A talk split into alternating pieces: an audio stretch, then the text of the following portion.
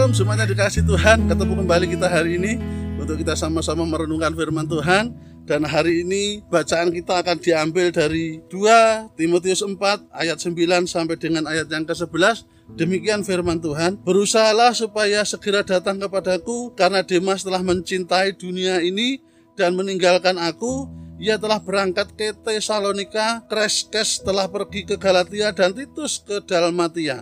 Hanya Lukas yang tinggal dengan aku, jemputlah Markus dan bawalah ia kemari karena pelayanannya penting bagiku. Saudara jemaat yang dikasih ke Tuhan, ini adalah surat kepada Timotius dari Paulus di mana Paulus mengendaki Timotius segera datang kepada Paulus. Kenapa? Paulus mengendaki Timotius segera berangkat karena dia merasa sendirian, karena dia merasa ditinggalkan. Ada beberapa orang yang meninggalkan Paulus dalam kesendirian padahal Paulus perlu seorang rekan di dalam pelayanan perlu seorang saudara yang bisa menguatkan dia.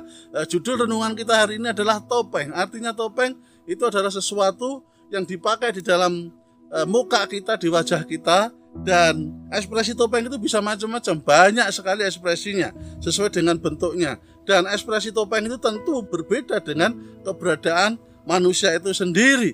Demikianlah Paulus. Paulus tampil apa adanya sebagai manusia seutuhnya merasa sendiri, kadang merasa sedih, kadang merasa gelisah, kadang merasa juga kesepian.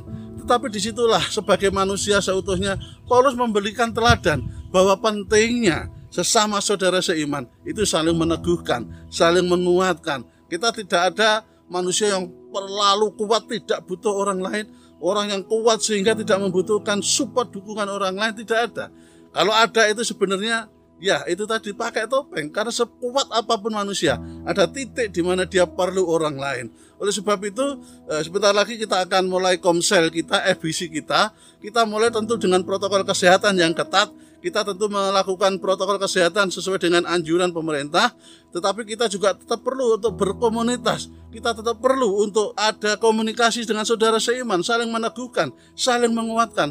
Di sanalah wadah untuk kita saling support, saling dukung, saling mendoakan. Mungkin ada yang perlu didengarkan eh, keberatan keluh kesahnya itu perlu saudara. Kita tidak perlu gengsi, kita tidak perlu e, merasa rendah diri atau minder ketika kita mengalami persoalan dan cerita kepada tentu tidak sembarang orang kita e, sampaikan cerita kita tentu orang-orang yang kita anggap bisa memberikan solusi jalan keluar support kita di dalam hal rohani tentunya.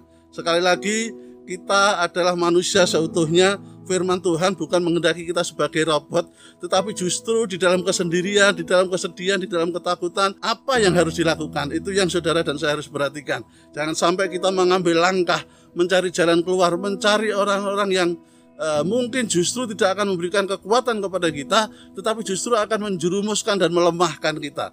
Tetap sukacita, tetap semangat, jalin komunikasi dengan saudara-saudara seiman. Immanuel. Tuhan Yesus memberkati kita semuanya.